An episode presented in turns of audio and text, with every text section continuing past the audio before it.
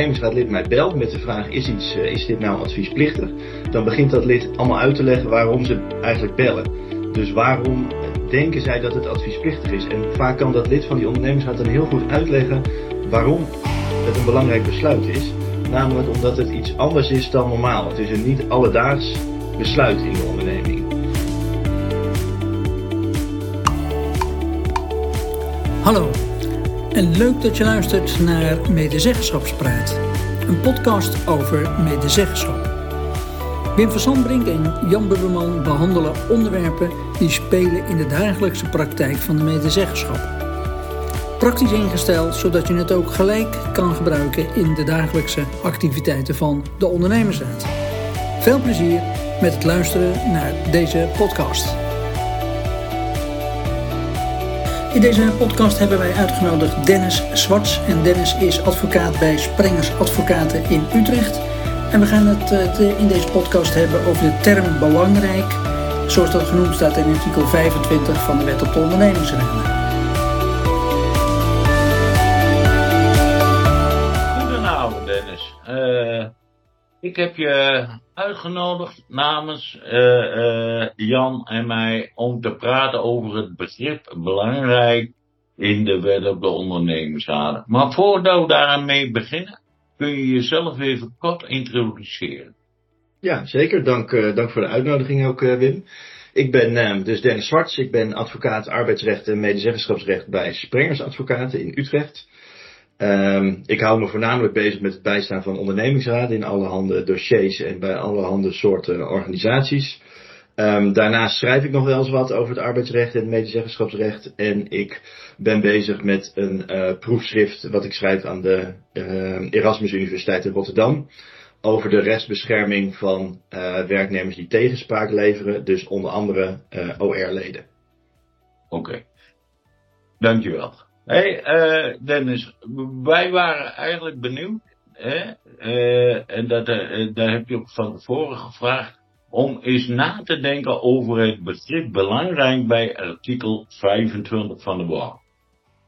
En om maar eens even heel basic te beginnen, wat is nou voor een jurist als jou het kenmerk van het begrip belangrijk? Ja, dat is een goede vraag. En Um, ik denk, uh, dan stel ik een beetje wat mijn collega Annette heel vaak zegt. Die zegt als het adviesplichtig is. En vaak kan dat lid van die ondernemingsraad dan heel goed uitleggen waarom het een belangrijk besluit is. Namelijk omdat het iets anders is dan normaal. Het is een niet alledaags besluit in de onderneming. En dat is met name denk ik de kern van het begrip uh, belangrijk. Voor het adviesrecht moet je kijken enerzijds of het in het rijtje van artikel 25 staat natuurlijk, hè, als onderwerp, inhoudelijk. En vervolgens of het belangrijk is. En dat zit er dus in, in het niet alledaagse, wat mij betreft. Eigenlijk zeg je, uh, het moet vallen onder 25 lid 1 en uh, het moet niet alledaags zijn. Maar ja. ik heb ook wel eens bestuurders die zeggen, ja, uh, beste uh, cursusleider of beste OR, ik vind het niet belangrijk. Ja. Want dat alledaagse of niet alledaagse, daar kunnen we bijvoorbeeld nog eens een beetje over discussiëren. Wat raad jij dan zo'n clubje aan? Ja, nou ja, om die discussie aan te gaan. Je zal moeten uitleggen waarom de ondernemingsraad wel vindt dat het belangrijk is en niet alledaags. En ook waarom ze er iets van willen vinden. Hè? Want het is niet dat we een adviestraject doorlopen alleen omdat het in artikel 25 staat. Je doet het omdat je invloed wil hebben op de besluitvorming. Dus ik vind ja. dat je dat ook moet kunnen uitleggen. Anderzijds moet die bestuurder uitleggen waarom hij vindt dat dat niet het geval is. En dan zou het doel moeten zijn dat je er uiteindelijk samen uitkomt. Okay. Lukt dat niet? Maar, maar, maar, maar, sorry dat ik je even onderbreek, ja. Dennis. He, van de ene kant is, uh, uh, we moeten argumenten wisselen. Hè? Want dat -hmm. is wat je zegt. Maar het punt is natuurlijk wel eens dat zo'n ondernemingsraad zegt, ja, wij vinden het wel belangrijk. En zo'n bestuurder, die komt met argumenten waarvan de ondernemingsraad denkt, ja, ja, ja, ja, uh, uh, hoe nu verder? Ja. Nou ja, kijk, als je er samen niet uitkomt, heb je verschillende mogelijkheden. Je, je kan het voorleggen aan de rechter. Dan gaat de rechter bepalen of de ondernemingsraad de positie heeft of niet. Wat je ook kunt doen, is dat je zegt, we parkeren even die discussie over of het nou wel of niet belangrijk is. en of het wel of niet adviesplichtig is. Maar we gaan met elkaar wel het gesprek aan op de inhoud. En dan vraag je de bestuurder eigenlijk om een adviesaanvraag in te dienen voor zover vereist. Dan zeg je oké, we, we verschillen van mening over of het onder artikel 25 valt. Maar we gaan wel een normaal adviestraject uh, doorlopen. En als we er dan niet samen uitkomen, dan kunnen we het altijd nog voorleggen aan de rechter. Maar stel dat we wel samen tot een goed voorgenomen besluit komen, dan hoef je die discussie niet meer te voeren, hè, de juridische formele uh, discussie. Dan heb je toch. Ja, eigenlijk zeg je van ga dan even de juridische haarkloverij uit de weg en laat hebben over de inhoud. Ja, ja, ja, dat is veel belangrijker. Je zit daar natuurlijk niet om. Uh, je, je, je, zit daar om het over de inhoud te hebben. En het, het, kan zo vertragend en afleidend werken als je eerst een hele discussie moet hebben over of de ondernemingswet wel of niet de positie uh, heeft, juridisch gezien. Maar dat veronderstelt wel dat de bestuurder de OR met zijn opvattingen serieus neemt, toch? Ja, ja, je moet dat wel. Het takes two to tango, dus je hebt, uh, die bestuurder moet dat ook willen. Ja, oké, oké, oké. Maar als ik nou uh, uh, zeg, hè, van stel dat zo'n bestuurder nou zo'n discussie aan wil of iets belangrijk is, hè. Ik heb ook al een beetje in de borg gekeken en voor de rest. Zijn er nou dingen waarop je kunt bepalen dat iets belangrijk is? Ja, die zijn er wel. Maar het is geen uh, wet van mede of persen. Um, en dat houdt, daar bedoel ik eigenlijk mee dat de wetgever heeft expres niet het begrip belangrijk heel erg ingekaderd. Het is niet een soort wiskundige formule. Als je zoveel medewerkers uh, raakt, dan is het standaard belangrijk. Zo is het niet. En dat heeft de wetgever met opzet gedaan, omdat hij het begrip belangrijk uh, wilde laten afhangen van de specifieke onderneming waar het zich afspeelt. Hè. Dus voor de ene ondernemer kan iets belangrijk zijn en voor de ander niet. Daarom is het niet zo ingekaderd. Uh, maar dat wil niet zeggen dat er geen aanknopingspunten zijn gegeven aan de hand waarvan je kan bepalen of het belangrijk is in dit specifieke geval. Maar je moet het dus bekijken in de context van de onderneming. Dus ook de grootte van de onderneming en de aard van de onderneming is daarvoor relevant. En dan kun je gaan kijken, oké, wat speelt er nou een rol bij het bepalen daarvan? Nou, dat zijn onder andere sociale factoren. En dan bedoelen we uh, hoeveel medewerkers worden bijvoorbeeld getroffen? Raakt het de werkzaamheden van de medewerkers? Raakt het de werkgelegenheid in de onderneming? Nou, hoe meer daarvan sprake is, hoe meer sociale factoren, hoe eerder het belangrijk is. Je hebt procedurele factoren. Dat zit er dan meer in, in hoe vaak komt dit nou voor? Is dit dus een alledaags besluit? Uh, of is het echt iets heel bijzonders binnen de onderneming? Nou, als dat laatste het geval is, is het eerder belangrijk. En je hebt de economische, organisatorische factoren. En dat gaat er dan met name om of het besluit uh, de kernactiviteiten van de onderneming raakt of belangrijke effecten heeft op uh, de omzet of de afzet die wordt gemaakt. En hoe meer impact dat heeft op die factoren, hoe eerder het belangrijk is. Uh, simpel gezegd, het moet gaan om een kernactiviteit, het moet belangrijk zijn, het moet mensen treffen en het moet niet alledaags zijn. Ja.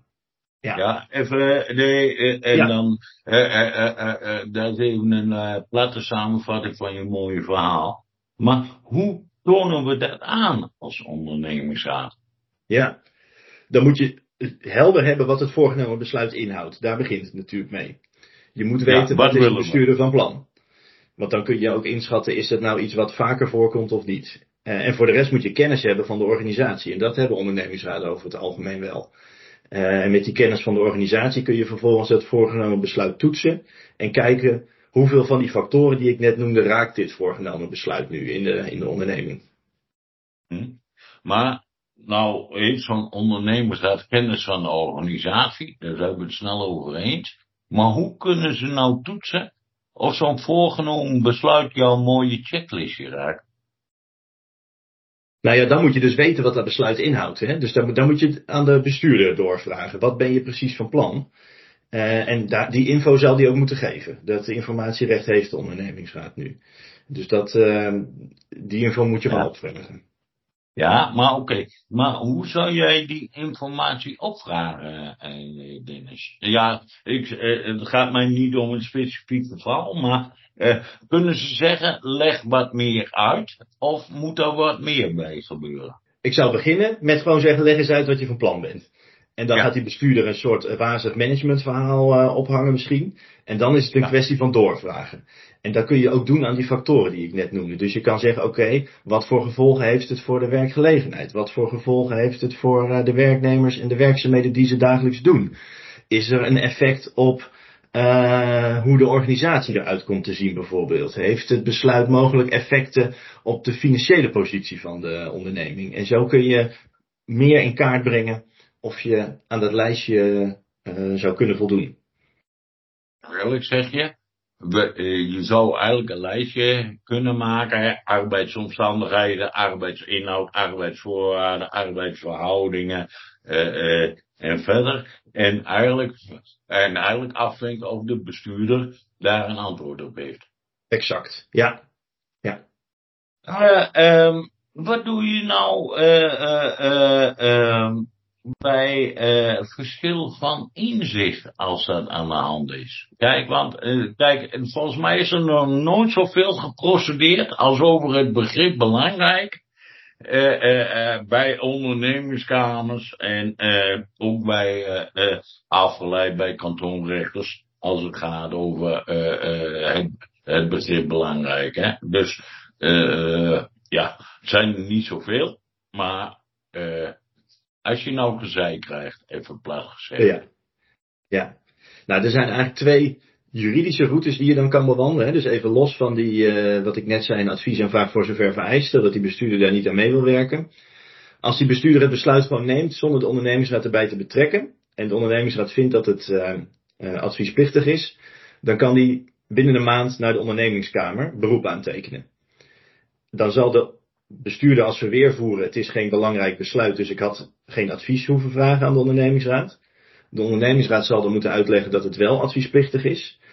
Uh, en dan zal de ondernemingskamer er vervolgens een oordeel over geven. Komt de ondernemingskamer tot de conclusie dat het wel adviesplichtig is, dus die volgt de ondernemingsraad in zijn standpunt, dan zal die in bijna alle gevallen ook oordelen dat het besluit kennelijk onredelijk is, omdat er helemaal geen adviestraject is doorlopen. Dus dat betekent dat de bestuurder het terug moet draaien en dat alsnog uh, moet doen. Je kan ook een andere route doorlopen en dan ga je naar de kantonrechter. En dan vraag je eigenlijk om, uh, je vraagt de kantonrechter om de bestuurder te verplichten om alsnog een adviestraject uh, te doorlopen. Dat is meer voor de hand liggend als je wat langer de tijd uh, hebt. het voordeel van naar de ondernemingskamer gaan is dat die heel veel kennis hebben van medezeggenschap ook. En dat, dat tref je niet altijd bij de kantonrechter aan. Dus en die route is soms ook wat sneller. Ja, maar bij de kantonrechter claim je een adviesaanvraag.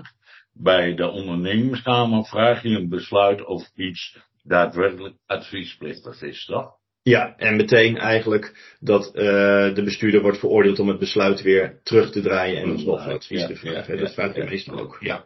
Ja. Uh, maar goed, hè, ik, heb, uh, ik heb veel ondernemersraden die denken, oh, überhaupt al naar een rechter gaan. En uh, of dat nou de kantonrechter is of naar de ondernemerskamer. Nou, gaan we maar even niet doen. Al was het maar om de relatie met de bestuurder niet op het spel te zetten. Uh, wat zou u die ondernemingsraden willen adviseren, Dennis? Als er uh, toch iets is wat een beetje vreemd. Laat ik het dan maar even zo zeggen. Ja, ja er is nog een tussenvariant. Je kan ook in gezamenlijk overleg nog naar de rechter gaan. Dan ga je daar voorleggen of het uh, besluit wel of niet adviesplichtig is. Dat is wat gemoedelijker, maar dan zit je toch nog in de juridische hoek. Ehm, ja, verder zou ik dan toch proberen te sturen bij die bestuurder op zo'n uh, adviesaanvraag voor zover vereist. Dan parkeer dan maar die discussie en, en ga het over de inhoud hebben. Oké, okay, maar als je nou, nou nog even doorgaat op die adviesaanvraag voor zover vereist. Hè? Eh, eh, eh, mooie, mooie term. Wat moet daar dan in staan? Ja, Eigenlijk is dat gewoon nee, normaal. Uh, uh, ja? Want ja, ja, vraag. Is niet, uh, de, de, bestuurder is niet bereid om te zeggen, ik leg het voor. Dus, hoe moet dat dan? Als je, die, als je dat traject doorloopt van een adviesaanvraag voor zover vereist, dan doorloop je de reguliere het reguliere adviestraject. Dus die adviesaanvraag moet gewoon voldoen aan de eisen die uh, artikel 25 stelt. Alles moet erin staan wat een normale adviesaanvraag ook heeft. Alleen zegt die bestuurder, ik vind op dit moment niet dat het een belangrijk besluit is. Bijvoorbeeld, hè, als daar de discussie op zit. Ik vind niet dat het adviesplichtig is. We parkeren het, we gaan het toch doorlopen. En afhankelijk van het advies van de ondernemingsraad kijk ik hoe verder. Kom je er samen uit, de ondernemingsraad adviseert positief of met uh, voorwaarden, die neemt de ondernemer, ondernemer over, dan hoef je die discussie niet te voeren met elkaar. Dan heb je het besluit beïnvloed, is iedereen tevreden als het goed is. Echter, ik heb begrepen dat bij een adviesaanvraag de bestuurder zijn voornemen helder moet zeggen en wat dus de consequenties zijn conform artikel 25 lid 2. Maar als, als de bestuurder iets niet belangrijk vindt, dan hoe formuleer je dan dat voornemen van de bestuurder? Kijk, want volgens mij gaat daar dan discussie over. Nou, dat zou hij nog prima kunnen doen, want of hij het nou belangrijk vindt of niet, als het besluit zeg personele gevolgen heeft, dan zal hij dat in die adviesaanvraag moeten zetten. Um, en ook de maatregelen om dat op te vangen. En dat, dat kan, kan nog losstaan van of hij het wel of niet belangrijk vindt. Hè. Dat zijn gewoon feitelijke constateringen. Heeft het besluit bepaalde gevolgen? Dus eigenlijk zeg je, want daar ben ik naar op zoek. Eigenlijk zeg je, bestuurder, we gaan niet over, over belangrijk, maar constateer nu even wat er feitelijk gaat veranderen. Ja, ja, dat is belangrijk. Dat moet er in die adviesaanvraag staan. Ja. Nee, maar goed, daar, daarom zou ik een beetje door te zoeken, Dennis. Kan maar. Ja. Wat doe je nou als na dat soort gedoe een bestuurder een beetje terugkeert op zijn schreden. Hè? Want dat gebeurt bij mij ook al eens. Dat ze zeggen, oké, ja, het is uh, belangrijk. En wij hebben een adviesaanvraag. En nader, bij nader inzien, door wie dat ook ingefluisterd, zegt men. Wat moet je dan doen? Ja, en dan bedoel je nadat het advies is uitgebracht? Of ja, ja maakt het oh, niet uit. Nee, nee, ja. Eh, eh, eh, eh, ja, of misschien er nog net voor, hè, dat ze zeggen, ja, eigenlijk was het niet adviesplichtig, dus bij jullie adviseren succes, prettige wedstrijd. Ja. ja. Zowel daarvoor als erna, Dennis. Ja. ja. Ja, eigenlijk is het dan voor de bestuurder helaas pindakaas. Je hebt om advies gevraagd. En dat betekent dat de ondernemingsraad dan een adviesrecht ook heeft op dit onderwerp. En dat betekent ook dat de ondernemingsraad. Wat zei je, Wim? Sorry? Eens gevraagd is gegeven. Ja, inclusief het beroepsrecht en alle toeters en bellen van de wet op de ondernemingsraden erbij.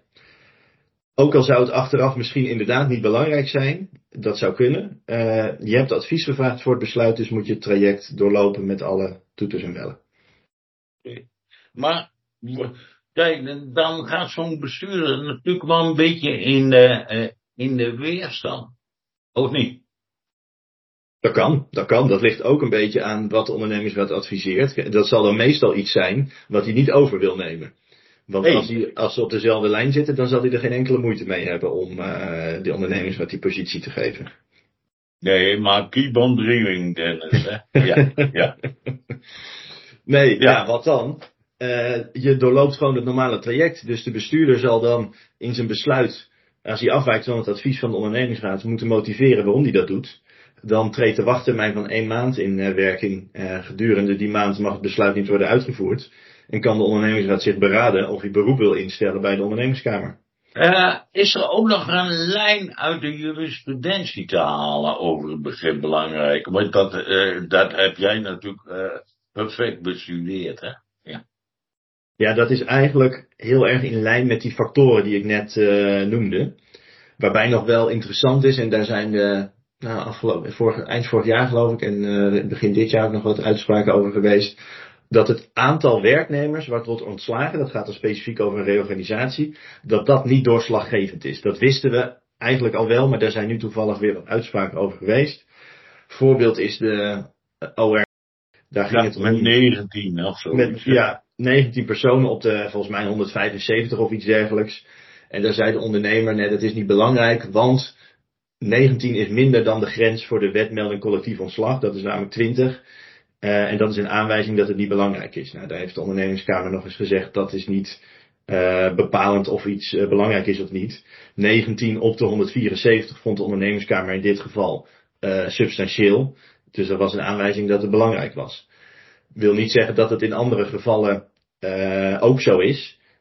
hier was dat wel zo. Het kan ook zijn dat één iemand die wordt ontslagen, kan ook belangrijk zijn als daarmee bijvoorbeeld een belangrijke functie komt te vervallen binnen de organisatie. Dus dan zijn de indirecte gevolgen van dat ontslag dat uh, de functie van HR-manager bijvoorbeeld niet meer in de organisatie nou, ja, als technisch dienst bij een uh, verzorgingshuis, uh, doe dat eens even, hè. Eén TD weg in een ja. verzorgingshuis, dan hebben we ook een vraagstuk. Ja. ja, dus met die sociale factoren geldt wel, je moet kijken naar hoeveel mensen er worden geraakt.